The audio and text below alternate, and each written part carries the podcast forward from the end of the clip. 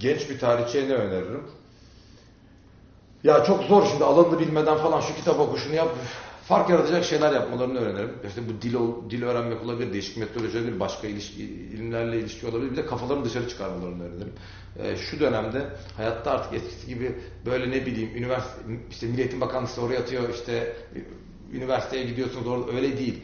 Biraz e, çevre yapmalarını öğrendim yarın hem entelektüel gelişim anlamlarında anlamında hem de yarın bir gün iş aradıklarında bu tip şeyler. Yani fark yaratsınlar, kendilerini göstersinler. Akademi ya da entelektüelite ne bileyim e, sosyal özgüvensizlikleri tatmin yeri değildir. Yani siz buraya da geldiğinizde insan içine çıkacaksınız. Görüyorum bazen çocuklar geliyorlar ve biraz da laf dinlesinler. Ben hiç dinlemiyordum kendim ama benimki bir şey oldu. Yani bana da diyorlardı. Şöyle öğrenci geliyor bana. Şunu şunu yapacağım hocam diyor. Olmayacak bir şey söylüyor. Yani olmayacak bir şey ben daha hani açım bu tip şeyler.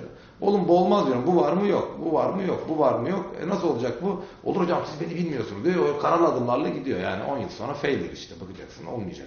Yani biraz böyle bir stratejiniz olsun, bir blueprintiniz olsun, 10 yıllık bir planınız olsun. Çünkü zor bir iş yapıyorsunuz. Şöyle, şimdi herkes atıyor tutuyor da e, kimse dediğim gibi kimse kitap okumuyor, kimse bu alanlara, bu alanların puanları yüksek değil. Yani bu kuru gürültünün arasında 3-4 kişi işte çıkıyor, biz ekranlara çıkıyoruz ama alt tarafta öyle lise hocasından hallice de kalıyoruz yani yapacak bir şey yok. Çünkü böyle bu ne bileyim e, böyle tıp doktoru olmak gibi bir iş değil büyük kazançları olan bir iş değil. Büyük e, lip servis dediğimiz size evet insan hocam hocam hocam diyebilir ama onun dışında aslında kendi içinde iyi yapamadığınız zaman çok emek yoğun ve karşılığı çok azalan bir iş. Yani tarihçi olmak çok zor, çok fazla çalış. Çok zeka ister mi bilmiyorum ama çok fazla çalışma gerektiriyor. Siz bunu yaparken e, belli bir hazla yapıyorsunuz, belli bir karşılık bekleyerek de e, yapmıyorsunuz. Doğru. Ama bunu yaparken en azından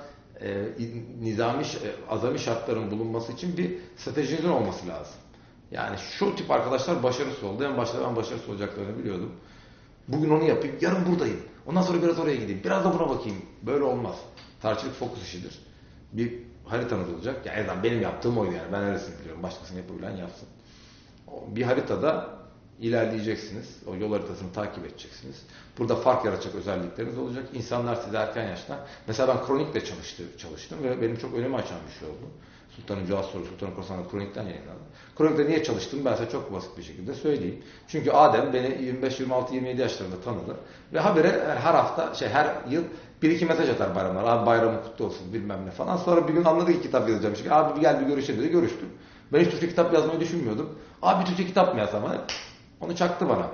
Şunu söylemek istiyorum. Bu benim için iyi oldu, onun için de iyi olmuştur ama benim için daha iyi oldu. Ama o sürece ben 26 yaşında o beni biliyordu. 35 yaşında bilmesine gerek yok. Yani olmaz öyle saçma tarih de öyle. Ben YouTube izlemeyen bir adamım.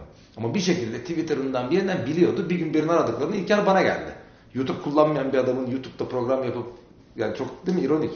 Ama kim tarihçi deyince hani genç falan deyince ben gelmişim akla. Belki başka biri de var. Bence yani şu anda aklıma gelmiyor ama belki başka biri de var ama o kendini göstermiyor. Biraz yani görünür de olmak lazım.